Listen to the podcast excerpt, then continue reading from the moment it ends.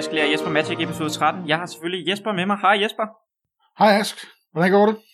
Jamen det går rigtig godt. Og hvad med dig? Ja, det går fint. Altså, øh, det vi, når vi optager det her, så er påsken jo lige forbi. Og nu er det, vi tænkte, at det skulle være forår. Men jeg kan fortælle dig så meget, at i Danmark lige nu, der havler det faktisk. Og i går, der snede det, så der lå sne på jorden. Ja, det, det kender jeg ikke noget til. Altså, jeg går rundt i t-shirt og shorts og 25 grader. Og var i min pool ja. den anden dag og sådan noget, så jeg, jeg, jeg, jeg kender ikke noget til. Jeg er også lige for mig. irriteret på dig.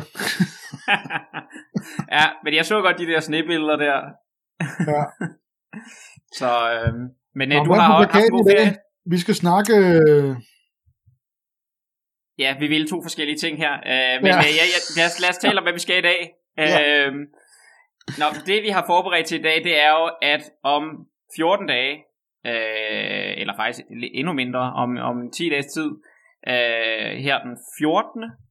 Øh, april, der kommer Strixhaven ud. Og, øh, og det vi skal, det er, at vi ligesom skal sætte dig ind i, i Strixhaven helt til at starte med. Altså, sådan er det jo altid, når der kommer et nyt sæt, så er, er det nyt, så er der nogle ting, øh, som ligesom man skal, man skal tage, tage stilling til, og det er det, jeg tænker, vi skal i dag. Øh, og så næste uge, øh, inden øh, sættet kommer ud, der tager vi en omgang, hvor vi lige kører nogle af, af commons'ene igennem. Men i dag er det ligesom det store overordnede billede, øh, og det er også det, jeg håber, at andre kan få noget ud af, det her sådan, hvordan skal vi gå til sættet, hvordan skal vi forstå det, hvad er de sådan, største mechanics, øh, og sådan. Så det, så det er det, vi skal i dag.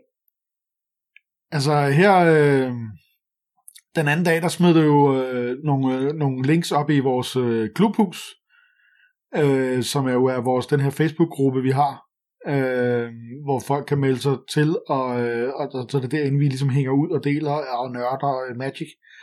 Og der smed du øh, blandt andet øh, forskellige ting op, og jeg sad og kiggede lidt på Draft Sim, altså du ved, for at se, hvad for nogle kort, der kommer op, og sad og, og kørte det her evalueringsmetoder, som, øh, som du har lært mig, og så videre, prøve at kigge lidt på dem, og opdagede jo så nogle af de her sådan, mechanics, øh, og, og de ting, som jeg lige har observeret lige nu, det var, øh, altså der er jo det her nye med en lesson, altså hvor de har et learn, og så må man trække en anden lesson, som er et eller andet kort, som man ikke, som man ikke, altså som man har i, altså som man bare ejer, eller hvad sker der? Det er mærkeligt noget, ikke?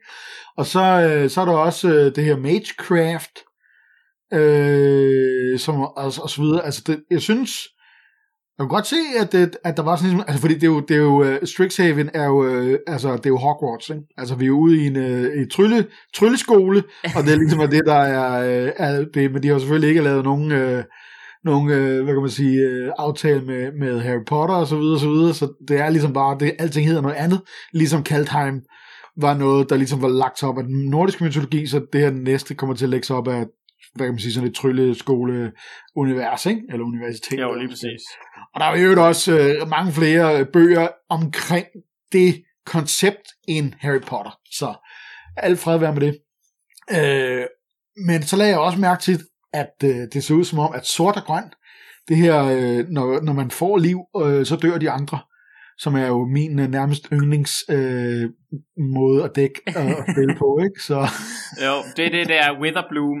Uh, men alt det der, det er, det, det er netop det, jeg har forberedt til i dag, at vi ligesom skal netop tale lidt om de forskellige mechanics, altså det her lesson learn og Magecraft, og vi skal, vi skal, vi skal prøve at gå ind i de forskellige guilds og sige, hvad de gerne vil, og, og se lidt på nogle kort og sådan noget. Så, uh, så det er, de, det, er de, øh, det er det overordnede syn på, på det. Så jeg, jeg, jeg, jeg er super klar på at, at tale uh, lesson learn og andre ting, uh, vi skal lære i dag. Jeg, altså, jeg har ikke forstået det. Jeg har, altså, jeg har ikke helt, helt forstået det nu, så jeg glæder mig til ligesom at høre, hvad, uh, hvad, hvad går det egentlig ud på. Så uh, lad os endelig uh, give den gas og komme i gang. Ja, men det... Jeg, du har mere, du lige skal sige inden. Altså. Nej, det tror jeg ikke. Uh, det, jeg tror bare, at... Uh, at meget ellers er kommer helt af sig selv. Fedt. Så, øh, men lad os, øh, kan du se min, øh, min skærm nu her? Det kan jeg. Hvis du var i tvivl, så var det Strixhaven. Øh, ja. Yes, men øh, jeg har nogle fine slides her, og det er det, vi skal prøve at, at komme igennem. Og det, altså til at starte med, så tror jeg bare, at, øh, at det første, vi skal sådan ligesom forstå, det er, at øh, det hedder så colleges igen, det der med, at nu er det Harry Potter, men altså normalt kalder vi det guild set. Øh, altså det her med, at der er, øh, du ved, sådan et, et, der, er, der er fem farvekombinationer øh, i en guild. Det er jo det, der en gammel, en gammel dag hed det en guild, nu hedder det så et college, og så har det et andet navn. Men okay. der er ligesom fem øh, guilds, som det her handler om, og det er det, der er i man kalder det enemy color pairs, eller, eller fjendtlige farver. Og grund til, at det er fjendtlige farver, det er, hvis du kigger på bagsiden af dit magic kort, så kan du se, at det er dem, som vender, øh, ikke er ved siden af hinanden, men er over for hinanden. Der, så blå er over for rød, og hvid er over for sort. Så er den måde, det er derfor, de, de er fjender. Øh, så det, det er bare sådan ligesom for at sige, det, det er ligesom, der er konteksten, det er, at vi er et guildsæt med fjendtlige farver, ikke? Øh, og det er de her fem øh, guilds, som der ligesom er i sættet. Og det er det, i Magic er man typisk vant til at tale om Isid, for eksempel, når man taler om rød-blå, men det hedder så Prismari her. Øh, og så hele vejen dernede af, altså i sort-grøn hedder det Witherbloom, og normalt kalder vi det Golgari. Så er der sort-hvid, som er Silverquill, og normalt kalder vi det Orsorf. Og så er der hvid-rød, der er Lawhold, og normalt snakker vi om Boros. Og så er der grøn-blå, og det er Quantrix. Ja, det plejer man så at sige. Fordi det er jo det er lige præcis det der har også været sådan et hemmeligt magic-sprog øh, for mig, som når folk taler om det, mm. jeg aner, ja. hvad de snakker om. Nej, og det, det, det kommer fra noget, der hedder Guilds of Ravnica, hvor man siger, at de, de forskellige guilds har en farve, øh, eller har et navn, og så for eksempel så Isid, det er den øh, blå-røde guild. Og der er ligesom også fem andre guilds, altså de andre øh, fem farvekombinationer, men, øh, men i den her, med det her sæt i Strixhaven, der er hele sættet lavet til at kun at handle om de her fem guilds, og det hedder så colleges her. Øhm, så, så det, det, det er sådan den første ting, man måske skal forstå, det er, at der er, der er ligesom fem decks, som man som udgangspunkt for eksempel i Limited drafter, og ikke 10. Øhm, og og ja, det måske skulle jeg faktisk lige træde et skridt tilbage. Altså det her vi laver nu, det er jo meget med fokus på Limited, altså fordi man kan sige, vi kunne også lave et set review, hvor vi snakkede om forskellige kort i Constructed og sådan noget, men det er jo meget sådan noget med, så går der nogle rares eller nogle få kort ind i nogle nye arketyper og sådan noget, så bliver det en helt anden snak. Altså det, det jeg ligesom har forberedt i dag, og det vi kommer til at meget snakke om, det er jo til limiting. Ja. Øh, men altså som udgangspunkt 5 decks i stedet for 10, fordi det er det her guild set. Øh, og, og altså det, det er jo også bare det, jeg viser herude til højre. Altså det er de fem fem guilds, ikke? Det er bare nu fem multicolor kort, og vi kommer længere ind i det øh, bagefter. Øhm, og hvad betyder det for sådan ligesom, hvordan sættet er opbygget? Jamen det første er for eksempel, hvor mange comments er der, øh, og i, i, i Strixhaven, der er der for eksempel kun 12 comments i hver farve, øh, hvor der i Coldheim for eksempel var 19. Øh, men til gengæld har hver af de her guilds, af de her fem øh, guilds, de har så seks comments hver. Og, og det vil jo sige, Altså, du kan godt prøve at drafte rød-grøn, øh, eller, eller hvid-blå, men det kommer ikke til at gå så godt for dig, fordi der er simpelthen ikke så mange kort i de farver.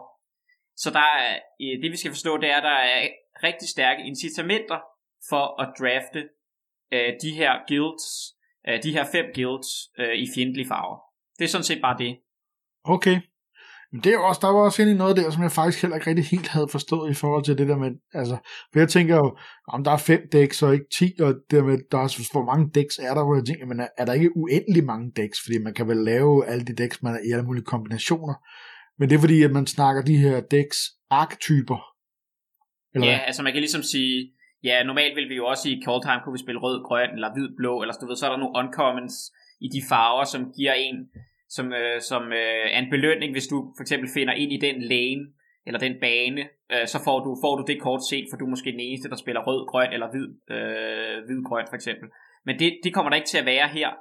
Altså der har vi et meget stærkt incitament til at finde ind i en af de her fem guilds, Øh, og, øh, og det er også derfor for eksempel, øh, det kommer vi måske ind, når vi også snakker gameplay og draft, men det er for eksempel mere okay at tage et multicolor kort her, øh, end det er normalt, fordi at øh, vi, vi, vi søger ligesom ind i fem, øh, fem, typisk fem baner i stedet for 10. Øh, og, og det er ikke for at sige, der kan sikkert også være flere, det, øh, kan man sige, der kan godt være flere dæks end det, men som udgangspunkt, så vil man meget ofte finde sig ind i en af de her fem dæks, fordi at der er så stærke incitamenter, der, der er så mange kort, der passer til en. Øh, så, så derfor bliver man mere belønnet, hvis man finder øh, den rigtige guild, der er åben for en, fordi der er så mange kort til, til hver enkelt guild. Ja. Jeg lader mærke til, nu så det der kort, du har i midten, det er jo en af dem der, der hvor man kan vælge enten at bruge øh, sort, eller jeg ved ikke, hvad man kalder det, når de har det der mana-symbol. Øh, ja, det er sådan et hybrid mana cost. Ja, øh, og dem der så... jeg faktisk mærke til, at der var nogle, altså dem var der en del af, af de kort, ja. jeg har set indtil videre. Og det er for eksempel også, det kommer vi til at snakke lidt om, når vi snakker om men, men det er et godt eksempel på, at for eksempel, hvis du tager det her kort, så går det både ind i uh, Witherbloom, altså i sort-grøn, for du kan spille det for dobbelt sort, uh, men det går også ind i, uh, altså du kan også spille det i Silver Quill, uh, hvor det måske mere er tænkt, altså sort og hvid, men du vil også godt kunne spille det i, uh, i Witherbloom for eksempel, ikke? Uh, og Lawhold, og du, hvis det bare ved. Og du kan også spille det i Lawhold, ja. Så ja. de her kort, de går ligesom i tre guilds, Øh, og, og, og man kan sige, de der, altså når, når man har sådan en mere fleksibel kort, altså det går alligevel i, hvis du har sådan et kort her, så går det alligevel i 60% af, af de decks, som man typisk vil drafte, altså 3 ud af 5 decks, ikke? Okay. Øhm, så, så de der hybridkort, øh, ja, men, men det er for eksempel bare sådan en hybrid mana øh, kost, øh, den der inkling summoning. Yes, men, øh, men så, ja, Øh, men så havde jeg tænkt, at vi skulle tale lidt om mechanics, og det var det, du selv var inde på, og det, det kan vi måske bruge øh, lidt tid på, fordi den, kan man sige, hovedmekanikken her i, øh, i, i Strixhaven, det er det her med lesson og learn. Og hvad, hvad er så det? Altså, øh, der er nogle kort, som, øh, som vil have det her, hvor der står learn på. Øh, og learn er, at man må for eksempel, der kan være den her guiding voice, som jeg viser her, som koster en øh, hvid mana, som bare er put en plus 1 plus 1 counter på et creature, og så står der learn. Og det man så må ved learn, det er, at man må øh, vise et lesson kort, som man ejer uden for spillet, som der står, og det vil så være typisk en sideboard, øh, og så må man tage det op i hånden. Eller man må discard et kort til at trække et kort. Øh, man kan selvfølgelig også, den sidste mulighed, det er, at man ingenting gør. Men det, der, det, det, det her så gør, det er, at den giver en plus 1 plus 1 counter til et creature, og så kan man finde en, et, øh, et lesson kort ude fra et sideboard og putte det på hånden. Så det er lidt ligesom at trække et kort. Ikke helt. Øh, eller man må bare, øh, worst case, hvis du ikke har et lesson kort, kan du så også bare, øh, det der hedder rummage, det, på Magic sprog hedder det rummage, når vi discarder kort for at trække et kort fordi jeg, jeg har et spørgsmål til det der, ikke? Fordi det virker ja. ret sindssygt. Øh, fordi ja. nu sagde du lige det der med strike, fordi det, er noget, det, det, det, tror jeg, det, det har været en af mine største sådan, du ved, mindfucks, hvis man skal bruge et, et godt, pænt dansk ord. øh, det, det har været det der med, netop, når, altså skal man så drafte de der øh, learn-kort, eller kan man på et eller andet tidspunkt, når man har draftet nok og har dem i sin samling, så behøver man ligesom ikke rigtig, at, altså du ved, falder det uden for det her draft-mekanik, så du kan bare tage dem, hvis du har dem i din samling, eller er det ligesom kun dem, du har draftet, eller hvordan? Ja, men det er øh, netop det, sådan en af de spørgsmål, som, øh, som vi ikke helt har besvaret endnu, fordi vi kender ikke sættet, men det jeg kan, altså man siger, det som andre øh, tænker, og det jeg selv har teoretiseret over, hvis man ligesom kigger på det, det er, at hvis man kigger på de her øh, lesson kort, og det er jo bare, det er jo bare en eller anden et, et spil, så du, altså, du kan jo også putte det i dit øh, main deck.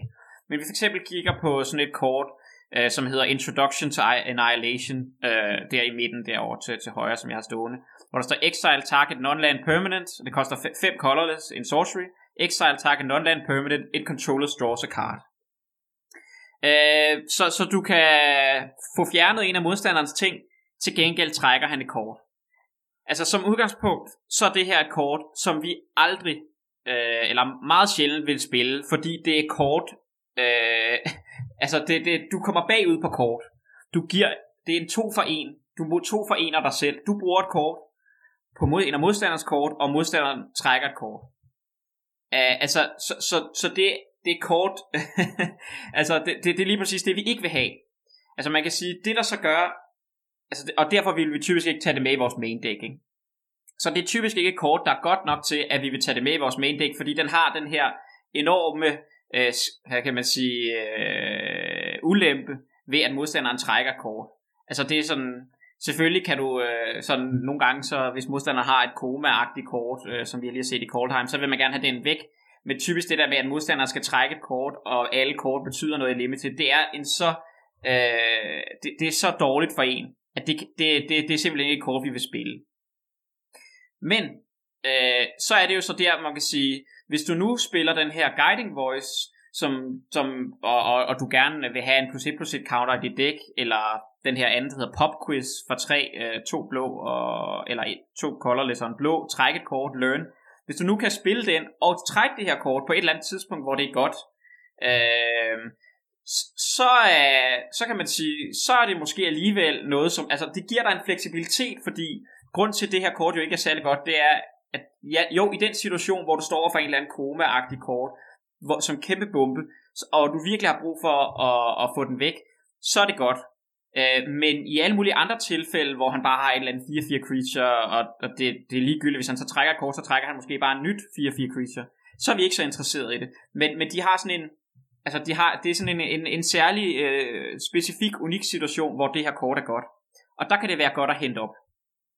Så som udgangspunkt, det er sådan bare det min konklusion er, så er de her lesson kort, de fleste af dem, det er nogen, at vi drafter til vores sideboard, som vi kan hente med learn kort. Yes, giver det mening? Okay. Altså, så, så når du drafter det her kort, for eksempel Introduction to Annihilation, så drafter du det med, med, med tanke om, at du har det i dit, i dit sideboard, som du kan hente med et learn kort. Ja. Fordi i sig selv vil vi ikke putte det i vores dæk. Det er simpelthen for svagt.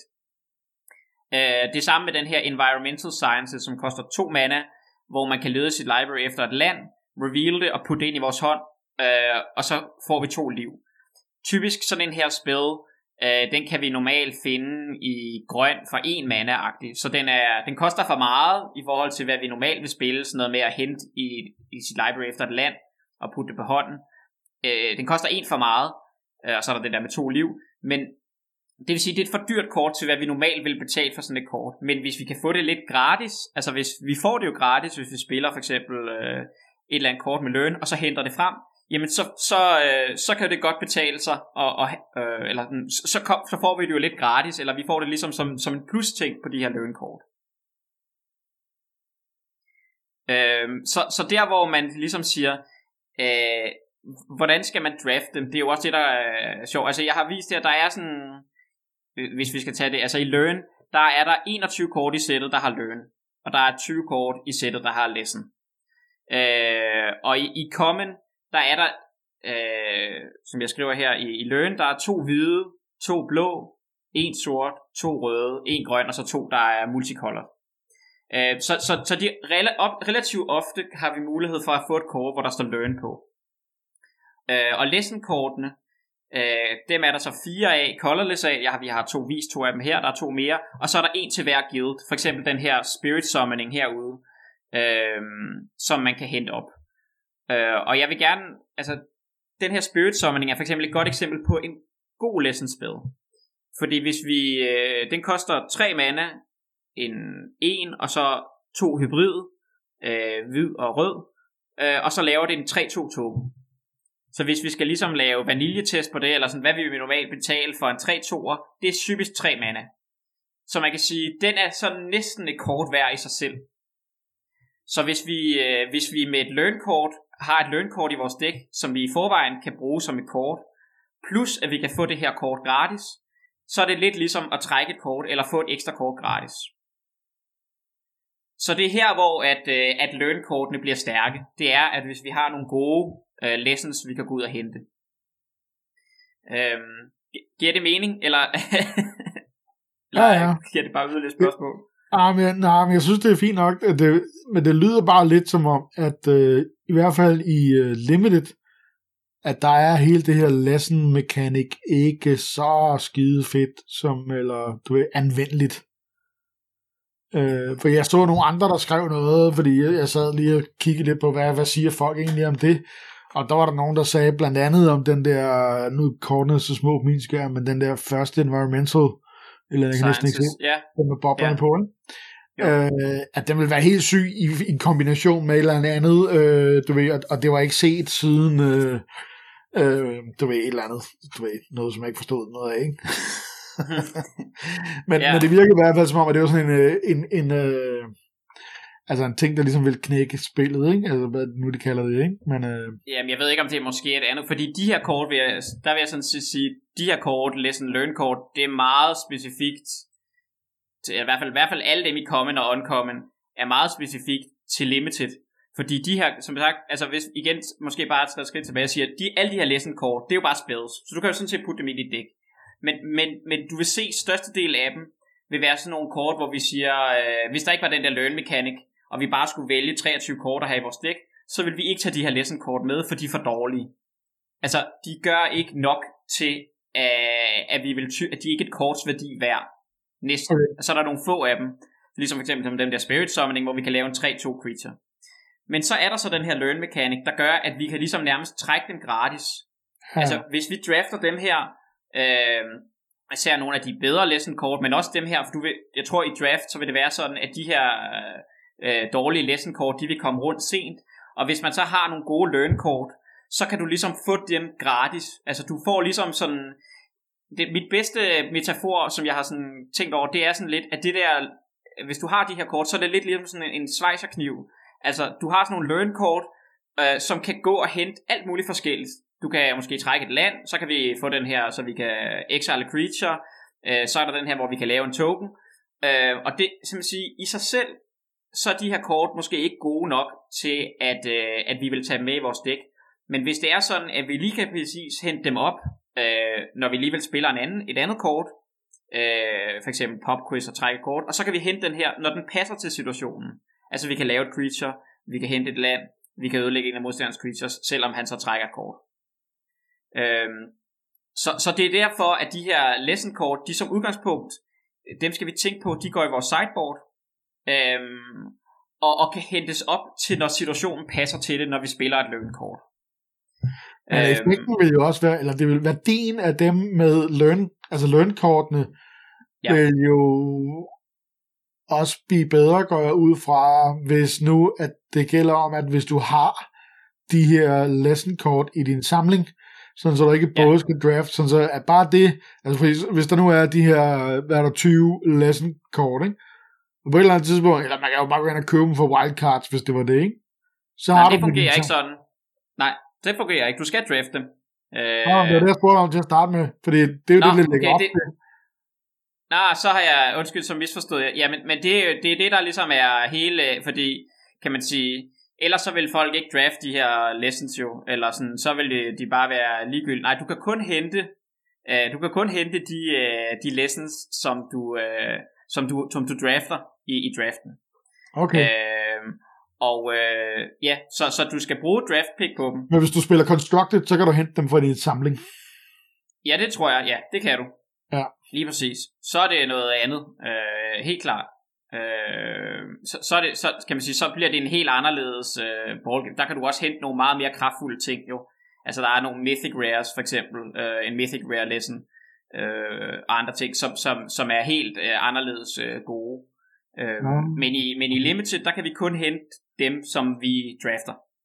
Okay. Øh, og det er det, jeg vil sige, det, det, bliver, det bliver spændende at se præcis, hvor det lander, men jeg vil tro, at som udgangspunkt, for eksempel hvis vi også bare kigger på sådan et kort, der hedder, at det der pop quiz, to mana øh, blå, træk et kort, så vil vi sige, hvis vi skal udgangspunkt skal sammenligne med, hvad betaler vi ellers for sådan en, en blå card draw spil, så plejer man at betale cirka 3 mana for at trække to kort. Øh, Sorcery Speed, det er, det er den, der hedder Divination, sådan en gammel blot kort. Og hvis vi nu, så er det så kan man sige, så er den her Instant Speed, og så er der det her Learn, i stedet for at trække det andet kort. Så hvor meget er det værd i forhold til, hvad vi normalt vil at betale? Og det jeg siger, altså worst case, det er jo, at du ikke gør noget. Altså hvis du ikke har nogen andre kort i hånden, så kan du ikke øh, discarde kort til at trække kort. Så er der så nummer to option, der gør, at vi i hvert fald kan, hvis vi har et land i hånden, og ikke har nogen lesson spells, så kan vi trods alt øh, trække kort, og så kan vi discard et eller andet land, og så trække et nyt kort. Så det, det er i hvert fald sådan, det er, ikke, det er ikke helt godt nok. Og så er der så den her sidste mulighed, hvor at vi kan hente et lesson kort. Ikke? Og det er der, hvor de her learn kort bliver bedre, end man umiddelbart skulle tro. Øh, fordi vi netop kan hente et eller andet kort, et lesson kort, som passer til den enkelte situation, hvor vi, hvor vi, hvor vi, øh, hvor vi har brug for det. Ja. Så det er næsten ligesom at trække et kort øh, i den rigtige situation, hvis du har de rigtige lessons. Fordi kan man sige, det der er også, det er jo, at alle lønkortene er jo lidt, som sagt, de er lidt dårligere, end hvad vi normalt vil betale for et kort også. Øh, ja. Så det er, altså, det er det, vi vil ikke bruge en mana for at give i en plus 1 plus 1 counter på et creature. Øh, det, det, vil være, det er slet ikke godt nok, vi skal have noget mere. Øh, så det er det, men hvis vi kan ud og hente en eller anden stærk le- øh, lesson, øh, så bliver det lige pludselig meget bedre. Okidoki. Yes, men, det, men altså igen, det her med sådan, som udgangspunkt, så igen lessons i sideboardet, øh, så drafter vi nogle gode learn-kort i main-dækket, og det her med, hvornår vi skal pick dem, det bliver lidt, det er lidt sværere at sige nu, men jeg tror, at, øh, at det handler om at, at, at tage de stærkeste learn-kort, det kommer vi ind på måske også næste, næste uge, når vi snakker comments, Øhm, og så, så får man en masse, så kan man sådan ligesom have mere plads til at, at pick nogle øh, lessons øh, senere. Yes. Men øh, det var også, en, den er også, altså det er sådan lidt tricky mechanics, så jeg synes, at det er okay, at vi bruger lidt tid på at snakke om den, for de andre mechanics i sættet er lidt nemmere at forstå. Ja. Øh, fordi Ward, det er den her, det er sådan en ny mekanik, der er kommet ind, som sådan set bare gør, øh, og der er kun fire kort i sættet, så det er ikke noget, men der, der er to comments her, som jeg bare lige har taget med. Øh, det ene er den her øh, 4 mana 3-1 fly blå, som har Ward 2, og det betyder bare, at hvis for eksempel du kaster en, øh, en removal spell på den her, så skal modstanderen betale to mana, og hvis han ikke gør det, så bliver den removal spell counter. Så man skal lige holde øje med, at hvis du, hvis du targeter den her med en removal spell, og du kun har tre mana, øh, så tror jeg ikke, at, så siger arena ikke til dig. Øh, det kan godt være, at den øh, gør dig opmærksom på det, det ved jeg ikke, men, men som udgangspunkt, så kan du godt, du kan jo godt skyde den her med en tre mana removal spell, Problemet er så bare, at du skal have to mana op til at, at, at betale dens ward cost. Og så bliver ja. den counter. Ja. Øhm, og det samme med den her flyer. Altså det er også bare, øh, der, der er warden i stedet for at betale to, så er det betalt tre liv. Så hvis du prøver at skyde den af removal spell, så kan du altid skyde den, men du skal bare betale tre liv oveni. Så det er sådan set bare det, ward gør. At, øh, at øh, det er en, ja, der står win. Så når, når den bliver targetet, øh, så skal man betale, eller modstanderen skal betale den her kost. Ja. Yes, og så er der Magecraft. Altså, øh, og der er 24 kort i sættet, øh, som, har, som har Magecraft. Og det er sådan en okay stor del, men det der også er, altså for eksempel det er ligesom den her Eager First Year, bare en 2-2 for 2 i hvid, sådan, det er fint, det kan vi godt lide. Og så hver gang vi kaster en, en uh, kaster eller kopierer øh, en instant eller sorcerer spell, så får den plus 1 plus 0. Og det er sådan set bare det, Magecraft siger, den, den går igen, men når, typisk når man kaster eller kopierer en instant eller sorcerer spell, så sker der et eller andet godt. Øhm, og, og det der ligesom, det man skal vide, det er jo, at Strixhaven er sådan et sæt, hvor der er virkelig mange instants og sorceries i common og uncommon i forhold til øh, tidligere sets og det er der, hvor jeg har skrevet her, at der er, øh, jeg har talt op, eller brugt en søgemekanisme til at sætte op, at der er 86 instant og sorceries i Common og Uncommon i Strixhaven, og, og i Coldharm var der for eksempel kun 48. Så der er langt flere instants og sorceries i flydende rundt i det her sæt, end vi er vant til. Så derfor bliver Magecraft en mere vigtig, kan man sige, mekanik end, øh, end ellers. Altså det er vigtigt at have, fordi der kommer bare til at være mange instant og sorceries. Men så bliver, altså du ved, hvis jeg så lige skal tage min øh, ringe erfaring, så bliver det noget med, at, øh, altså jeg synes i forvejen, da når man har draftet Kaldheim, at, øh, at man lige skulle være opmærksom på, at, øh, at man skal have øh, de her, jeg kan ikke huske rigtig, hvor mange, men, men en god håndfuld creatures. Ja. Og det kan jeg næsten forestille mig, så bliver endnu sværere. Tror du, det bliver sådan noget med, at, øh, at, at man måske kan spille med lidt færre creatures, fordi der er flere øh, altså instance og sorceries, man ligesom kan bruge til, øh, til at skrue op og ned for dem, her sagt. Jeg tror, det kommer lidt an på, hvilken, øh, kan man sige, hvilket kollegie du ender, en af de fem, øh, øh, ja, jeg vil sige guilds, men det er et college, som du ender i. Det kommer vi ind på lige om lidt, men for eksempel, hvis du spiller i rød-blå, som er meget mere spells, øh, så tror jeg godt, at du kan have færre øh, creatures, for eksempel, hvis du har mange Altså, fordi du har bare mere plads til spells, fordi mange af dine ting gør noget med, med sådan instance og sorceries. Men hvis du øh, måske spiller øh, blå, eller undskyld, øh, hvid-sort, silver quill, hvor, som er måske mere sådan et aggressivt dæk, øh, så tror jeg, at du bliver nødt til at tænke over din creature count mere. Altså, men, men, men det kommer an på, sådan, hvilken guild man er. Men generelt set, så er du helt ret. Altså, der kommer til at være færre creatures, øh, og flere instance og sorceries generelt. Sådan, sådan er det bare. Der er flere instance og sorceries i det her sæt. Øh, men det gør jo ikke noget, hvis det er sådan, for eksempel, der er også nogle af instance sources, som laver creatures. Det skal vi også huske. Øh, og, øh, og der er også bare mange ting, der har det godt. Altså, der er meget synergi med instance og sorceries i det her sæt. Så, øh, men, men typisk, måske, det er jo lidt svært, svært at se, men, men det kan være okay at spille 14 eller 15 creatures, hvis hele dit dæk handler om, øh, også i Limited, om at kaste spells, ikke? Ja. Øhm, og det sidste, der er bare, altså, og det har du, du har også set dem før, men det, det var de her modal double-faced cards, altså hvor man kan spille både den ene side og den anden side. Og det, det, dem er der 16 af, øh, og de er kun i rare eller mythic rare, så vi kommer ikke til at se dem så ofte. Men det er jo bare, kan man sige, mange af dem er rigtig stærke. Øh, for eksempel den her, som jeg har taget med her. Øhm, øh, uh, Selfless Glyph Weaver, som er en hvid på den ene side, en to træer, øh, og kan, kan man sige, exile sig selv og give alle de creatures indestructible, og så på den anden side er det sådan en sort 8 mana spil, 3 sorte og, og 5, hvor man kan vælge et creature, og så dør resten, øh, som, som lidt en form for sweeper. Øh, det er ret dyrt for det, men man kan sige, den virker både, altså i, i et hvidt sort dæk, så kan vi både spille den som hvid, og, eller som den ene og den anden halvdel, når, når det ene passer. For eksempel early game kan vi spille to træer, late game kan vi spille den her sweeper. Øh, men altså, dem er der masser af. Det, det, det er slet ikke det, vi skal tale om, fordi i, uh, i Limited typisk, der vil det handle om commons og uncommons. Der kommer vi ikke til at se de her spil så ofte. Okay. Uh, ja, og det, det sidste vi ellers sådan, ligesom sådan overordnet, inden vi går ind i uh, guildsene, det er jo sådan, at hvad er der, i en, hvad er der så i en draft booster? Uh, og der er uh, et Mystical Archive kort, og det kommer vi ind på lige om uh, to sekunder, enten i uh, Uncommon Rare og Mythic Rare. Så er der et Lesson kort, altså der er altid et af de her Lesson kort uh, øh, i Common Rare eller Mythic Rare i en pakke. Og så er der jo bare en Rare, en Mythic Rare, 3, Uncommons og ni Commons, som vi plejer at se i en, i en normal boosterpakke. Øhm, men der er altså et af de her Mystical Archive kort i hver boosterpakke, vi åbner. Øhm, og det er, sådan, det er sådan noget, de har introduceret, hvor det er 63 kort fra Magics historie, altså spells og altså instants og sorceries, øh, som vil være i alle de her pakker. Og, det, øh, og dem har jeg, jeg har bare taget nogle eksempler med øh, på nogle af de her kort, og vi behøver slet ikke at gå dem alle sammen igennem, men man skal, det er bare, de popper bare, kommer til at poppe op i ens øh, boosterpakker, så man kommer til at blive konfronteret med dem. Og som sagt, mange af dem er, øh, er rares og mythic rares, så vi kommer ikke til at se dem lige så ofte. Øh, men typisk er det sådan nogle kort, som er lidt for stærke til, at vi at normalt ser dem i limited. Altså de er simpelthen for gode. Øh, altså du kan for eksempel se hernede i højre hjørne, så er der Lightning Bolt, øh, som er det her rød, en rød uh, deal 3 damage til creature, eller til any target, undskyld. Altså det er jo sådan noget, som, er, man ikke, som heller ikke bliver printet i standard, altså det er kun til de ældre formater. Eller Doomblade, Destroy Target Non-Black Creature for to mana, eller Swords to Plowshares, en hvid Exile Target Creature, ikke?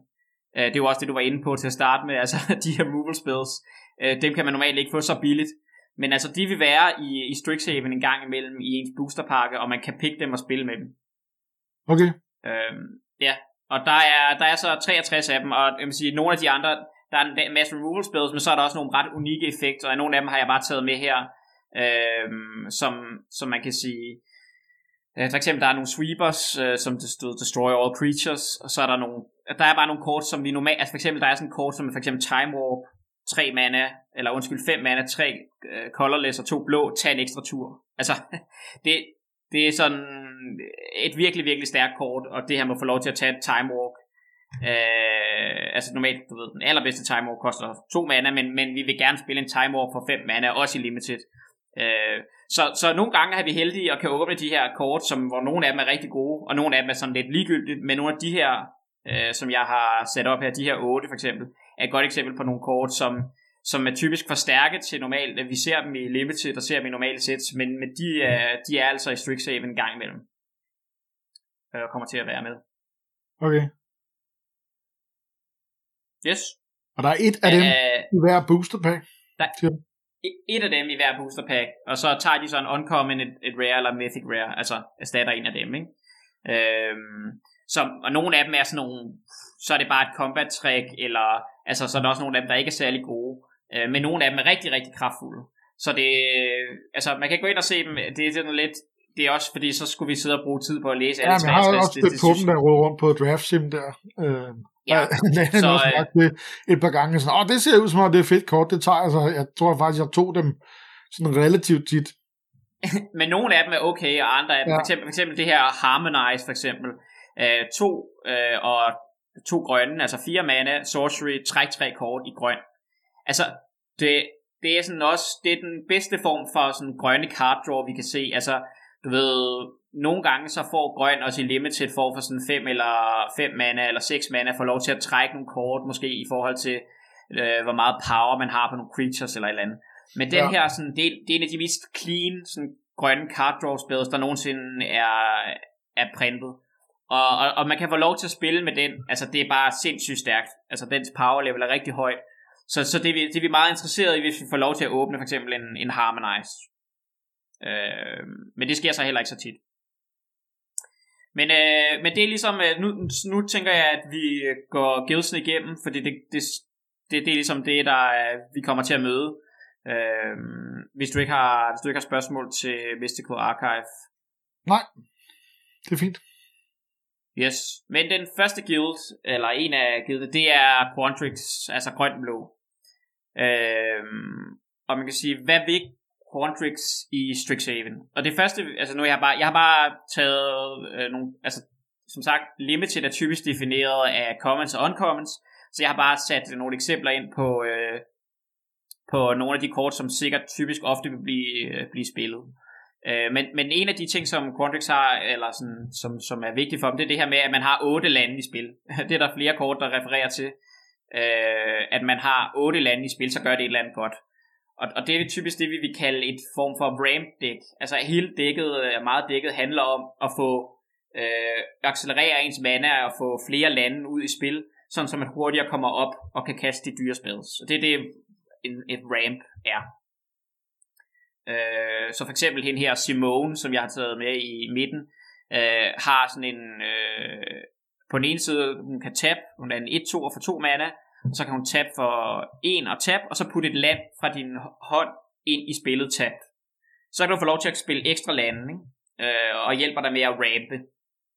Øhm, og så har hun så også for fire mana, tab, træk et kort, Øh, og hvis du så kontrollerer otte eller flere lande, det er det der øh, med otte i otte lande, så må du trække to kort i stedet.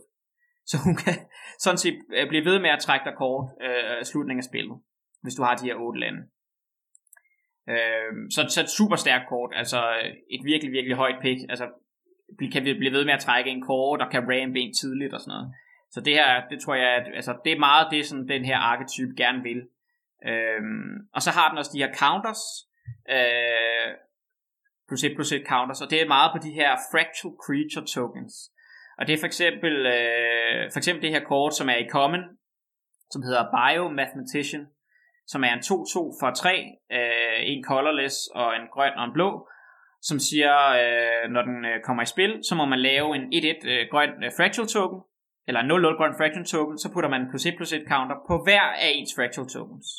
Så i første omgang, så er det bare en 2-2 og en 1-1 for 3 mana. Så det er sådan fint nok, ikke? Det kan vi godt lide. Det er altså tre power og tre toughness for tre mana. Men hvad, så, hvad sker der så, når du spiller den anden af dem? Altså, så får du en 2-2'er, øh, en 2-2'er med dem her, men så din første fractal token bliver også til en 2-2'er. Øh, altså, så, så, så de, de, ligesom, de vokser bare med hinanden, jo flere man har. Og der er også andre ting, der laver fractal tokens i, øh, i, øh, i Quantrix. Så, så det er sådan et ret stort element af den her guild, det er også de her øh, fractal creature tokens. Øhm, og det sidste del, det er bare sådan noget med, altså det er card draw, altså for eksempel det her Eureka's Moment, som er to colorless, en grøn og en blå, instant, træk to kort, og så må man putte et land fra sin hånd ind i ens battlefield. Og grunden til, at card draw er vigtigt, det er jo fordi, at vi skal trække vores lande. Øh, så hvis vi, hvis vi har nogen sandsynlighed for, at vi skal op på otte lande, så bliver man nødt til øh, at, at trække nogle kort, øh, så vi, kan, vi er sikre på at ramme vores øh, land drops. Så, øh, så det er sådan, altså, det vil jeg tro, altså man kan sige, det der er, når der er fem guilds, og der er det her en af dem, så kommer der sikkert til at være forskellige måder, man kan bygge på. Altså der kommer til at være sådan et mere langsomt øh, 8 lande øh, Quantrix deck, men der kommer måske også til at være et mere aggressivt, et der er mere sådan tempoorienteret, som skubber ens mana-fordel tidligt. Øh, men, men dækket ligger, eller guilden ligger umiddelbart op til, at den er sådan late game, du ved, vi skal otte lande, og øh, trække nogle kort og sådan noget. Øh, så. Ja. Ja, ja. Det kan jeg godt se. Altså, jeg synes jo, altså i starten, der var sådan lidt, ah, det ved jeg ikke, jeg synes, det, det virker sådan lidt, øh, det ved jeg ikke, det virker sådan lidt, øh, hvad fanden skal man kalde det? Jeg var ikke, så, jeg var ikke sådan excited på, øh, jeg synes ikke, det virker sådan så sejt, jeg synes, det virker sådan lidt, øh, teenage-agtigt, øh, det her, altså selve artworken og, og sådan noget, ikke? Og det er jo også et universitet, men altså, jeg synes faktisk, at, øh, at de her forskellige øh, synergier og alt det her, det lyder sgu meget sjovt. Altså, det tror jeg, det glæder mig til på at spille. Altså jeg tror i forhold til Call, altså der er ligesom bare, nu kommer vi også ind i de fire andre guilds, men der er ligesom sådan nogle klare ting, guildsene gerne vil. Altså det, det, det er nok mere et synergisæt, vil jeg sige, end det forrige var. Altså hvor det er de enkelte kort måske nogle gange, der, der gør forskellen. Så her, man laver ligesom, øh, man laver ligesom et, et helt dæk, hvor, hvor korten spiller mere sammen, hvor der er en synergi. Øh, og man bliver super meget belønnet af at gå ind i en guild. Øh, og mange af kortene fortæller dig, hvad du gerne vil. Altså det her med, at øh, så skal du have otte eller flere lande, eller tokens og sådan noget. Så, øh, men det kommer vi, øh, det kommer vi til at se. Jeg, jeg, jeg, jeg er super, altså jeg tror, øh, den her guild er altså, ja, ja, ja, det, det taler meget til mig med at trække kort og spille late game. Jeg synes godt også, jeg kunne fornemme en vis form for excitement i din forklaring. ja. Men kom nu, vi skal videre til noget, hvor nogen de dør. Ja, jeg ved godt, du vil gerne være over til Witherbloom, men altså, der, vi skal lige have Prismari først i hvert fald. det er fint. Øh, og det er rød-blå. Og, og man kan sige, at det rød-blå gerne vil i, øh, i Strixhaven, det er store spells. Og det vil sige, jeg tænker også, at det må altså kaste store ting, det er da også, øh, det er da også godt. Altså, men men det, det er altså ting, der koster 5 mana eller mere. Øh, og det er for eksempel den her Elemental Masterpiece, som koster 7 mana, som er så lidt, okay, og så laver vi 2 4-4 Red Elemental Creature Tokens. Så der er også noget med Elemental øh, Creature Tokens. Eller vi kan også bare bruge to øh, hybrid, øh, blå eller rød, og, og discard den til at lave en Treasure Token. Så det er sådan lidt, okay, hvis man bare sidder og ikke har nok mana, eller altså ikke rammer sit land drops, så kan man i hvert fald discard den her for at lave en Treasure Token. Men øh, med de her store spells, altså det, det er lidt det samme som ham her Spectral Mage gør, som er en colorless og en blå og en rød, en 2-2 flying, og så gør det netop, at ting, der koster instant associates, der koster 5 eller mere, koster en mindre. Øhm, så, så det er også bare sådan, det gør, at vi gerne, eller kan kaste vores øh, dyre ting øh, øh, tidligere, og det er også det sådan, der er, der er en del treasure tokens, og treasure tokens er jo også netop bare ekstra mana til at kaste vores ting tidligt. Ikke? Altså hvis der laver et eller andet creature eller et eller andet, som har en treasure token med, så gør det, at, at vi kan hurtigere spille vores dyre spells. Og så er det bare til sidst, altså det der også er, øh, det som Prismari også har, det er meget sådan noget med, ja, uh, Magecraft, altså når man kaster en instant sorcery, så sker der et eller andet. Det, Magecraft er i alle fem øh, colleges, men, øh, men for eksempel sådan en her, øh, en hybrid, øh, blå og rød, koster altså mana value 2, en 3 3'er. Så hvis du skulle øh, lave den på vaniljetesten, så er vi rimelig glade, ikke? Altså en 3-3 for 2 mana. Det er sådan, ja. det er ret fedt, ikke? Men så har den så Defender lidt, nå okay, den kan kun blokke. Oh, ja, men, hvis man, men hvis man kaster en instant eller sorcery, så kan den så angribe. Som om den ikke havde Defender. Så det vil sige, øh, det er en super god blokker. Altså på tur 2 øh, kommer den ned og er en 3-3 for 2. Og hvis den bare blokker og trader med et eller andet øh, 3-drop eller 4-drop, så er det jo ligegyldigt, at den ikke kan angribe. Men hvis man har bygget sit dæk så man har mange spells, altså for eksempel det her med, hvis man nu for eksempel kun har 14 creatures eller et eller andet, og man har mange øh, spells eller spells, der laver creatures, så kan den her ofte også angribe for, som en 3-3'er for kun 2 mana. Så det er ret stærkt. Ikke? Så hvis vi bygger rundt om ham her, øh, så vil det bare være sådan et kort, som, som overperformer i forhold til, hvad vi nu er øh, vant til at betale for to mana. Så, øh, men det er, det er Prismari, øh, det glæder jeg mig også til at se, men det, der er nogle rigtig sådan, dyre, dyre spells, øh, som man kan kaste. Og så kommer, øh, det er mere dig det her, tror jeg. Øh, men det er det, det her, det tror jeg også bare sådan, altså, jeg tror faktisk, det er et virkelig godt dæk. Altså, det er stort grønt uh, Witherbloom, øh, som er den her, som meget sådan, har ting omkring life gain. Altså for eksempel, der den her øh, Blood Researcher, som er en, en, uh, en common, øh, en colorless og en øh, sort og en grøn, en 2-2'er, sådan lidt en 2-2'er for 3, det er sådan lidt, hvad, så har den så menace, okay, fair nok. Og så øh, hver gang man gainer liv, så får den en plus 1 plus 1 counter. Øh, så det er, det er jo ret fedt. Altså, så bare hvis vi gainer liv en gang, så bliver det en 3-3'er. Så er det sådan lidt, så en 3-3 menace for 3, det er sådan, okay, så er vi, øh, det, det, det er ret fedt. Og så derfra bliver den bare større og større og større. Øh, så hvis vi kan gain noget liv, så er det her sådan et, et super fedt kort, og det, der er meget sådan, der går igen. Øh, eksempelvis, hvis man nu har spillet ham der Witherbloom Apprentice, som er en, som bare to mana value 2-2, en sort og en grøn, og han har så hver gang man kaster en instant sorcery, så mod, mister modstanderen et liv, og du gainer et liv. Så hvis man kaster en instant sorcery på tur 4, efter man har kastet Witherbloom Apprentice og Blood Researcher, jamen så bliver ens Blood Researcher større. så øh, det er jo sådan, det er små synergi, ikke? Jo. Øhm, og så er der bare meget, det udover life gain, så er der sådan alle de her pest tokens. Og der er, det, det er sådan nogle 1-1 tokens, øh, som for eksempel det her kort, som, som, som jeg også har taget med, der hedder Tend the, Tend the Pests, øh, som for to mana, hvor man kan øh, sacrifice a creature, eller det skal man, som en additional cost, og så kan man lave x 1-1 black pest creature tokens when øh, med when this creature dies, you gain one life, where x is the sacrifice creature's power. Øh, men altså, de her pest tokens, det er bare som udgangspunkt 1 1 uh, så når de dør, så gainer du et liv. Så det er super, altså sådan, dem er der bare super mange af, som dels så gainer de liv, så for eksempel så din blood researcher og andre kort bliver større, men dels er det også, uh, man kalder det foder til ens sacrifice tema.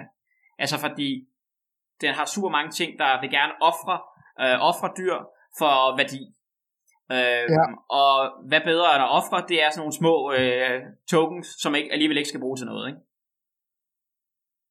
Så det er typisk, altså de, de, det er ligesom de synergier, der meget ofte vil være i Witherbloom, det er det her med sådan, ja, gain liv, få værdi for det, øh, lave de her tokens, øh, som hvor du også gainer liv, hvis det dør, og så kan du eventuelt sacrifice tokene og få noget mere værdi, eller sac- blive ved med at sacrifice nogle ting igen og få værdi.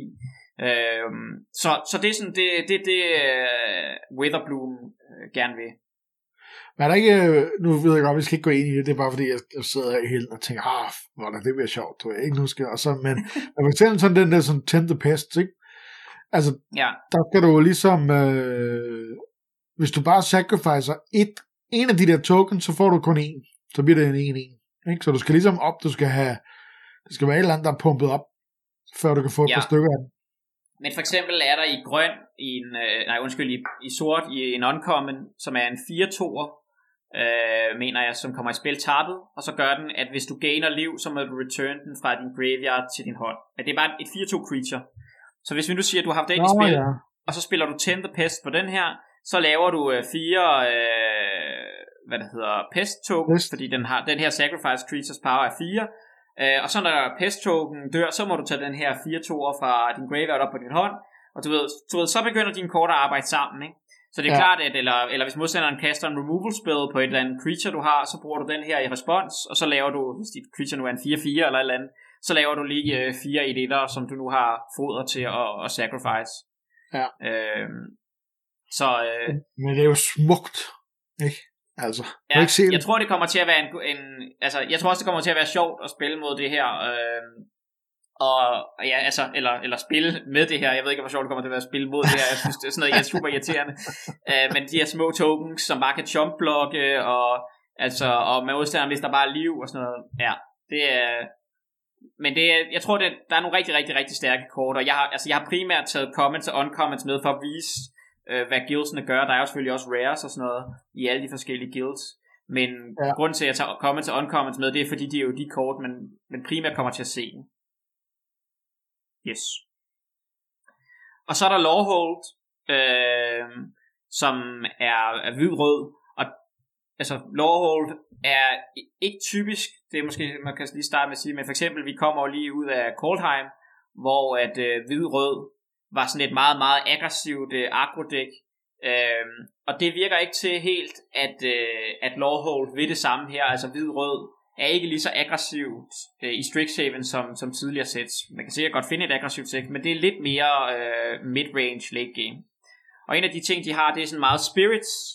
Altså for eksempel, øh, så er der den her øh, fem mana, øh, tre colorless, en øh, rød og en øh, hvid, øh, to fire øh, elephant cleric, og så alle dine andre spirits, øh, spirits for plus 1 plus 0. Så det er sådan en, du ved, det man kalder en lord. Altså den giver alle dine andre spirits plus 1 plus 0. Så derfor sådan, hvis vi har den her, så vil vi gerne draft andre spirits. Det er sådan, det giver det er meget lige til, ikke? Jo. Øhm, og det er så den ene ability, som typisk er i Lawhold, det er, at de har super mange spirits. Så alt, hvis du ser i rød og hvid, der har noget spirits, de går typisk rigtig godt i det her dæk. Øhm, og så har det den anden som sådan lidt sjov ability, som også man, man kunne have kaldt det en mechanic, men det har så ikke, altså det har ikke fået et navn. Men det er, det, det, det er, der sker ting, når kortene kommer ud af ens graveyard, eller lever ens graveyard. Undskyld. Så for eksempel på ham her, øh, den, det samme creature 2 4 der, så står der, at hver gang et af dine kort lever din graveyard, øh, så laver du en 3-2 white spirit creature token. Eller for eksempel den der 3-3'er, som der står ud til højre, den gør, at du øh, hver gang et creature, et eller flere kort lever din graveyard, så scryer du en. Og så kan man så spørge sig selv, hvordan får jeg kort ud af min graveyard? Men der er, der, er, der, er, der er forskellige måder at gøre det på, også i common. For eksempel, der er en, en hvid common, øh, som gør, at den kan return sig selv fra, fra din graveyard til din hånd. Øh, sådan noget for eksempel, ikke? Eller, eller exile creature, eller exile kort fra ens graveyard. Øh, alle de her ting, de trigger den her ability med, at ting kommer ud af graven, og så sker der et eller andet godt. Så det er spirits og kort ud af graven. Øhm, og så er der også bare Magecraft, altså som sagt, Magecraft er i alle de andre, men for eksempel den der Lawhold uh, Pledgemaker, som er en, en 3-3 for 2 first strike, så er sådan fint nok, men øh, hver gang vi kaster en instant sorcery, så får den plus 1 plus 0. Så det er også bare sådan, altså, det er ret lige til, den vil gerne slå, ikke? Altså, det, og, og vil gerne kaste spells, sådan så vi bare kan blive ved med at, at, at slå. Uh, så det er Lawhold. Og så er de alle sammen lavet af elefanter. Er mere sådan nogle spirits, Nå, det er det der spirits, der er sådan nogle elefanter. Ja, det er åbenbart uh, sådan nogle uh, elefanter, ja. Uh, jeg ved ikke, om de alle sammen er, de er i hvert fald forskellige, uh, altså de er, er spirits på en eller anden måde. Uh, men jeg tror, det er, altså der er ret mange, de, det er også fordi mange af de der tokens er spirits. Uh, og det, jeg læste, at det, eller jeg så, at det, en af de arketyper, sådan, Altså du ved, så var der, du ved, så var de der fractal tokens i Quantrix, og elemental tokens i Prismari, og pest tokens. Så spirit tokens, det der er mest understøttet i, i Strixhaven. Så, så jeg regner med, at, sådan, at det er ret ofte, vi kommer til at have, øh, have, have spirit tokens i spil. For eksempel, du okay. så også den der lesson tidligere, som kostede to hybrid, hvid og rød, for tre mana. Det er for eksempel en ret god lesson, hvor vi kan lave en 3-2 uh, spirit treaty token det er også en ret god lesson at gå ud og, og, og få, og den, den får for eksempel også plus 1 plus 0 her, øh, hvis vi har den her spil. Yes, og så er der øh, den sidste, sidste guild, så tror jeg vi har været igennem alle fem, som er Silver Quill. Øh, og man kan sige, at hovedmekanikken, eller det, det som Silver Quill primært ved, det er øh, plus 1 plus 1 counters. Øh, så der kan du se nogle af de her kort her, for eksempel øh, Øh, en fire mana øh, Death Touch, øh, og så den kommer i spil, så laver, får den 2 plus 2 counters på. Så det er bare en 2-2 Death Touch. Og så når den dør, så må den put, put counters over på et andet creature. Altså en 2-2 øh, Death Touch øh, for 4, det er sådan fint, og den trader med alt, men så når den også har byttet med et andet kort, så må du putte counters over på noget andet. Så det er sådan, det er udmærket. Øh, eller det er en af de andre kort, for eksempel i Uncommon, der er den her øh, Kinan, eller Kilian, øh, som bare er en 2-2 for 2, og så har han lifelink øh, og menace, og så gør han også noget andet med, at spells, der targeter ham, koster to mere. Men du kan også se, at det her er et godt target at putte counters på, ikke? Altså lifelink og menace. Hvis jeg lige pludselig giver ham, øh, han bliver en 3-3, eller han bliver en 4-4, øh, menace, altså det vil sige, at han skal blokkes af mere end et creature, øh, og han er lifelink, Jamen, altså, han er bare et rigtig godt target til at have counters på sig, ikke? Jo. Og det er meget det, Silver Quill vil. Altså, jeg tror, Silver Quill kommer til at være nok mere det mere der er i hvert fald et meget relativt aggressivt Silver Quill deck, øh, sådan en agro deck i, øh, i Silver Quill. Men har også nogle, øh, har også nogle under, øh, kan man sige, synergier omkring life game, som overlapper selvfølgelig også lidt med det Witherbloom gerne vil, men for eksempel har en del creatures med, med life game. Og så er der også nogle øh, små flyers rundt omkring i Silver Quill. Altså så den der token, øh, vi så i start med, øh, den der lesson, der laver en 2-1 flyer. Øh, dem er der sådan en del af, også når vi kommer op i de lidt højere rarities, altså ting, der laver 2-1 øh, flying tokens, øh, som, som passer ind i den her øh, guild. Men jeg tror, det her, det er sådan ligesom, det kommer til at være den mest aggressive af de fem guilds. Det er sådan lidt svært at sige. Men det virker til, at den er, den har mere sådan en, eller den her, øh, det her college har mere sådan en ergoplan. Yes. yes. Det har jo øh, Slytherin øh, written all over it. Har det ikke? Ja, der er sådan lidt... Øh, der, er, der er lidt, lidt Harry øh, Potter. Ja, der er lidt Malfoy øh, over det der. Ja, det har du ret i. ja. øhm, men jeg har to ting sådan ligesom tilbage, altså nu, øh, som, som bare er sådan nogle af de lande, som man kommer til at se, øh, og, og noget af det fixing, der er. Og der er ikke særlig meget sådan fixing i, øh, hvad skal man sige, der laver flere farver end, øh, jeg, jeg prøvede at lave en søgning, og der er netop kun, der er kun det her Letter of Acceptance, øh, 3 mana artifact, øh, add one mana of any color. Så der er ikke særlig meget sådan noget fem mana fixing, du ved, ligesom Glittering Frost og sådan noget, som vi lige har spillet med i Call Time. Øhm, det der er, det er, der, altså der er den her Arkway Commons, som er et land, som kommer i spil tabet, øh, og så skal du betale en mana, og så kan den lave alle farver. Men ellers er der alle de her dual lande i, øh, i de fem øh, colleges farver, som kommer i spil tabet, øh, og så kan de bare lave en af hver farve, og så har de det her 4 mana tap scry 1. Øh, så det kan hjælpe en med at have nogle lidt bedre mana base, øh, en lidt bedre mana base, og kan måske også øh, hjælpe nogle små splashes. Altså jeg tror, der kommer til at være øh, træfar, altså nu har jeg skrevet træfarvet, det er ikke spørgsmålstegn, men, men det er min forventning, at der kommer til at være nogle form for små splashes, træfarvet dæk, altså for eksempel hvis du, øh, øh, hvor, hvor, hvor de overlapper, altså for eksempel Quantrix og Prismari for eksempel, hvor du måske, hvis du spiller Quantrix, altså øh, grøn-blå, så splasher du måske nogle store røde kort ind i det, fordi det er alligevel et, et dæk, der gerne vil øh, late gamet have mange øh, lande i spil, så kan du godt spille, øh, så hvis du nu har øh, nogle Prismari Campus for eksempel, øh, eller Quadrix Campus, der kan hjælpe dig med at fikse din mana, så kan det godt være, at du kan splash nogle store røde spells ind i dit uh, Quadrix deck. Men jeg tror primært, det bliver på den måde, man kommer til at se sådan splashing og flere farver. Det er tre farvede decks. Altså det, er ikke, det bliver ikke ligesom Coldheim, hvor der er sådan noget fem color snow-agtigt. Det, er mere, det bliver nok mere sådan to farver og splash, eller, eller tre farver, hvor man mixer det, fordi man får meget fixing. Okay, okay. Øhm, og så Scry 1 bare godt på et, på et land, det skal man altså ikke underkende. Altså, Scry 1 er jo øh, normalt tror jeg, man plejer at sige, at scry 1, det er jo ikke helt ligesom at trække et kort, men i late game, hvis vi er i tur 10 og topdækker, og du kan bruge fire mana på scry et land til bunden, så er det næsten ligesom at trække et kort. Så, så det er ja. bare, de her har ret god værdi i uh, set i spillet. Uh, til gengæld lave tabland, og hvis man spiller meget aggressivt dæk, så har man ikke lyst til så mange tabland. Nej. Uh, og det sidste ting, jeg har taget med, øh, hvor jeg har lånt noget øh, fra en, en, en data, øh, en der arbejder for 17 lande, det er 17lands.com, som øh, har lavet noget data på, sådan, hvor god er øh, removal, den sådan, det der hedder conditional removal i Strixhaven. Og conditional, det er jo det, altså når vi snakker unconditional, så er det sådan noget ødelægge creature, øh, exile creature, der, der er ikke så meget, det tager jo bare det hele. Men alt det andet removal, altså det her conditional removal, det er jo, altså, det, det varierer jo altid i forhold til sæt, øh, i forhold til, hvad er, kan man sige, den generelle øh, toughness på creatures i sættet. Øh, og det, der ligesom bare er vist her, og det, der er pointen, det er, at der er en masse, øh, kan man sige, removal spells, eller ting, der gør noget, øh, dem er ligesom sat op hernede. Øh, og så kan man se, hvor stor en andel af dem, øh, altså hvor meget, hvor, hvor stor en andel af de creatures, der er i Strixhaven, hvor mange øh, rammer de ligesom. Øh, og det man ligesom, øh, det, det der måske er den vigtigste pointe, det er, at, øh, at det er særligt her omkring 4 damage, altså her er vi oppe i 80% af alle creatures. Hvis vi kommer over øh, for eksempel den her Heated Debate, som er et, et rødt kort, som vi kommer til at snakke om comments næste gang, som giver fire skade til et creature eller en planeswalker.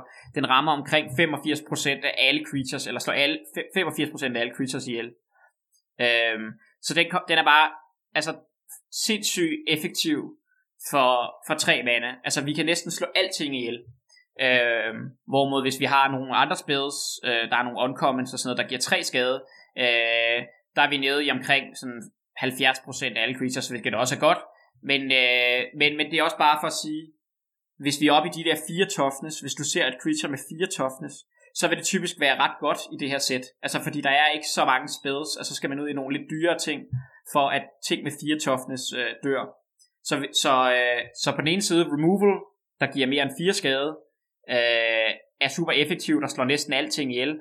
Men creatures, som også har omkring 4 toughness eller højere, er også lidt sværere at slå ihjel, fordi at vi skal ud i nogle, øh, enten sådan nogle, du ved, exile, destroy øh, effekter, eller vi skal ud i kun de her tre spells, øh, som er sådan to røde øh, removal spells, der giver mere end 5 skade, eller giver 5 skade, eller, øh, eller heated debate. Så man kan sige, uden at skulle øh, drage konklusioner, men så kan man sige, så sådan en, ligesom øh, Demon Bolt var en af de topkortene i Kaltheim, så kommer ja. de her Explosive ja. Welcome og Pigment Storm også ligesom til at være. Ja, altså man kan sige, det der er jo forskellen på eksempel Pigment Storm, det er, det er den her 5 af rød removal spil. Nu kan vi ikke læse den så godt, fordi den er så, øh, og vi går ind i comments næste gang.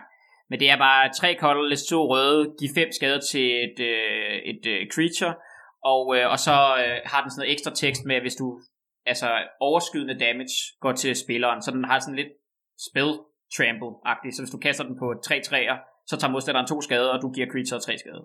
Ja. Øh, men det der er så forsk- den helt store forskel på Pigment Storm, det kan godt være, at den slår alt ihjel, men den, dels er den sorcery, og for det andet, det er jo det helt øh, afgørende, det er, at den koster 5 mana. Ja. Øh, hvor mod Heated Debate er meget billigere, koster øh, 3 mana, 2 mana mindre, og slår næsten alting, næsten det samme ihjel. Ikke? Der er kun en lille forskel på nogle få creatures, som, som den ikke slår ihjel. Øh, jeg tror generelt set, så tror jeg, at eller Strixhaven er sådan et sæt, det er ligesom lavet til, at man gerne vil kaste dyre spells. Altså, det er det, det, er det Prismari gerne vil. Så måske er det her sådan normale 5 mana removal spells, øh, røde removal spells, der er dyre, de er lidt bedre, end vi plejer, fordi altså hele sættet handler om at kaste dyre spells, øh, og kaste spells. Men, men Heated Debate, tror jeg kommer, jeg tror du har helt ret, altså lidt ligesom Demon Bolt, så tror jeg, det kommer ind til at være en af de bedste comments, hvis, ikke den bedste comment i, i, øh, i sættet. Fordi den er så effektiv. Det er jo også bare det, jeg gerne vil vise med det her. Det er, at den, er, den slår næsten alt ihjel øh, for ja. en meget billig pris. Super. Yes. Og det var... Det var øh, ja, det altså... Øh, det er jo sådan... Det er jo det, de ting, man kan gøre. Altså, det er jo netop at prøve at at se det sådan lidt, det der overordnede view på, hvad, hvad vil de gerne. Altså, det, det er jo alt, meget af det er jo theory crafting fra min side, og når jeg har lyttet til andre og læst og gået sættet igennem, fordi at vi har jo ikke spillet med kortene endnu. Øhm, men vi kan jo ligesom se sådan nogenlunde, hvad de forskellige ting gerne vil.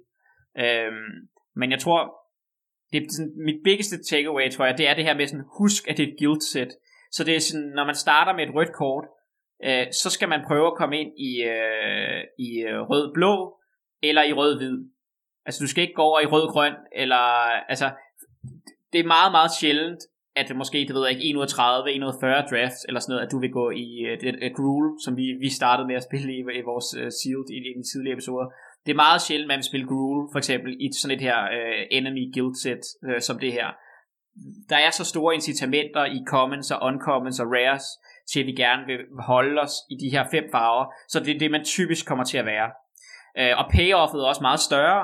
Altså, du skal forestille dig, hvis, øh, hvis du er den eneste ved bordet, der spiller en guild, som er åben, så får du mange flere gode kort. Fordi der bliver åbnet så mange flere gode kort i den guild.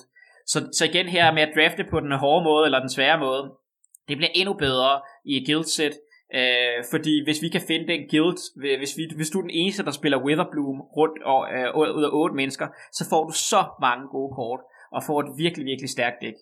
Øh, så. Nu synes jeg, du lokker. Ja, det er med at finde øh, det åbne Witherbloom øh, Ja. Øh, men på den måde er Strixhaven også lettere for nye spillere, fordi der er ligesom kun, eller ligesom, men der er fem, fem øh, udgangspunkt decks, man skal drafte. Det er det, vi skal finde os ind i. Der er jo alle mulige nuancer, så er man mere aggressiv, kontrollerende, nogle gange splasher man tre farver osv. osv., osv. Så kommer vi ind i det mere specifikt. Men som udgangspunkt, så er det ligesom, vi kan følge de her multicolor kort. Ja. Øh, og køre ind i en enkelt guild. Og det, det gør det altså en lille smule nemmere øh, sættet, end det vi lige har spillet. Selvom der er meget kort på. jeg, har ikke kunne, jeg har ikke helt kunne fjerne al teksten på kortene i det her sæt heller. Men, øh, men, øh, men jeg vil sige, det er mindre kompliceret på den måde. Også i forhold til de mechanics, der er og sådan noget. Der er, der er, der er en del tekst på nogle af kortene. Men det her med, at, at øh, det er nemmere at forstå, tror jeg, hvad, hvad de enkelte dæk øh, gerne vil. Ja. Ja, men det bliver spændende. Altså, øh, jeg, jeg vil også sige, efter Kaldheim her, nu har jeg sådan lidt, altså men det er også det, fordi jeg har jo, altså, altså jeg har begrænset tid til ligesom at spille, ikke? Det er det, der er hele udfordringen her i det her setup, det er for at se, om det er overhovedet muligt. Og jeg har spillet jo. lidt, og det er gået sådan både lidt blandet, øh, men jeg bliver bedre og bedre og bedre, og nu er Kaldheim ligesom væk. Ikke? Ja, ja. Men det jeg vil sige, Kaldheim var også jeg synes, det, jeg, synes faktisk, det her nye, det lyder fedt. Altså jeg synes, jeg, jeg, jeg, jeg tror, jeg, det som du tidligere har sagt med, at man begynder ligesom at kunne se, hvad for nogle typer kort, der har været, der kan jeg godt se efterhånden, altså i hvert fald hvis jeg skal sammenligne fra, hvor jeg var, da vi startede, til hvor jeg er nu, ja. så kan jeg meget bedre, når jeg har været inde og kigge på kortene, og sige, nå, ja, ja, okay, og det der, og det der, og det der er godt, og det der, ah, det tror jeg egentlig ikke er så godt, men øh, der vil jeg i hvert fald tage det her over det her, sådan, ikke? Altså, altså en eller anden form for, øh, jeg har flyttet mig, om ikke andet i, øh, så i sneglefart, men... Øh, Nej, men det, er, det har du da helt sikkert, og det er også det, jeg mener, altså det er jo det, Karl Kortland var dit første sæt, og du nåede ja. lige måske at få en sådan forståelse af det, og nu går vi ind i noget nyt, men der kommer til at være meget genkendelighed. Og man kan sige, det, det sværeste lige nu, også for mig, og det er jo, brugte vi også en del tid på det, det kommer til at være det her lesson learn forhold.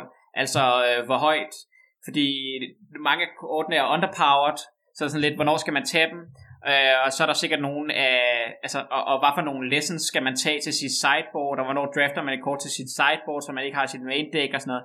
Altså, hele den der dynamik, det er noget, som man, øh, det er også noget sikkert, som hvis man læser ting om Limited og de første par uger og sådan noget, det er der kommer super til at være super meget fokus på, øh, hvor, hvornår gør vi hvad. Øh, så vi har jo talt lidt om i dag, sådan nogle, nogle ting, som man, man kan prøve at, at tænke over, øh, men det er, det er en interessant mekanik, for vi har ikke set sådan noget øh, præcis øh, før, så det er svært at, ligesom at vide, hvordan, hvordan vi, skal, vi skal håndtere det nu. Ja. Øh, det er sjovt de, altså, de er sgu meget gode til det. Altså, det er jo, det er jo lidt skægt, at vi er smidt sådan en, det er måske også det, der drager sådan nogle nørder, ikke? Altså, som også, øh, at, at, at, det er faktisk lidt sjovt, det der med at skulle blive smidt sådan en her mystisk ligning, og så skal man finde ud af, nah, hvordan kan vi øh, få det til at gå op, og så er de bare, øh, så er de bare pakket ind i øh, noget med nogle spells, og øh, nogle fed, noget fed grafik på kortene. ja, de giver os en gåde, og så vil vi løse den. Ja, Men det er også det, det føles jo fedt i starten, især hvis man, netop øh, er helt klar over, at heated debate er den bedste common, eller et eller andet. Øh, og det er jo fint, så ved man, at man kan tage det, men det er jo også sådan med de der kort, som, okay, de fleste kan nok godt regne ud, at heated debate er god, men hvad så med dem, som er lige under, som er næsten lige så gode, eller sådan, øh, som er mere, altså hvis man kan være en af de første til at forstå de kort, øh, og finde dem øh, og tage dem, når de kommer sent i parken, eller hvis de wheeler, eller andet, så er det der, hvor man kan få et rigtig godt forskel, eller hvad det hedder, et forspring på, på alle de andre hvis ja. man har gjort sit homework. Og det er jo også det, vi, er, vi laver lektier her, øh, og vi er klar til skolen. Øh, ja. Quicksaven åbner. vi laver vores øh, arbejde, og vi er klar til at komme i skole. Ja. Men det er også det, måske skal vi lige sådan afslutningsvis, øh, som altid, lige øh, skynde os og lige at uh, plukke øh, klubhuset. Fordi det er jo det her, vi kommer til at maxe nørd, øh, maxe nørd, nørde det max ind i, ikke? Vi har jo allerede en masse ting og sager, det var lige før, at vi, vi efterhånden laver så mange ting derinde nu, øh, så, øh, så det, det er næsten ikke betalt sig at nævne, men her nu i weekenden har vi lige en pot mere, øh, når vi optager det her, så øh, på i weekenden skal vi nok spille en pot mere, ikke? Og... Jo, vi, er, vi, vi drafter lige, øh, vi siger farvel til Coldheim, som en af, en af de andre i klubhuset foreslog, at vi skulle gøre. Det var en god idé, så vi, øh, vi tager en sidste Coldheim draft.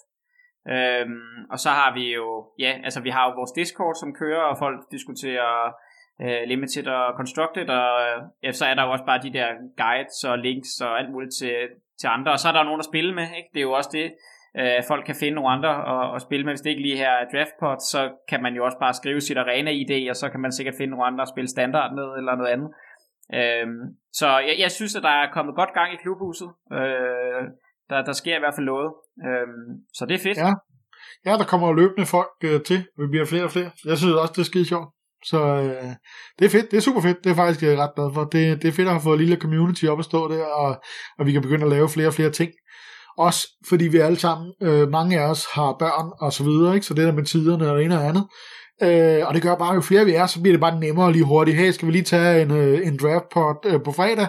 Og så siger ja, det kan jeg godt, du ved, jeg kan klokken 7, jeg kan klokken 8, og bla bla bla, og så lynhurtigt, ja. så, øh, så, så er det op at køre, ikke? Øh, det er jo. fedt. Og så hvis man, skal med, hvis man gerne vil med i klubhuset, så skal man gå ind på askteachmagic.com øh, og skrive sig op.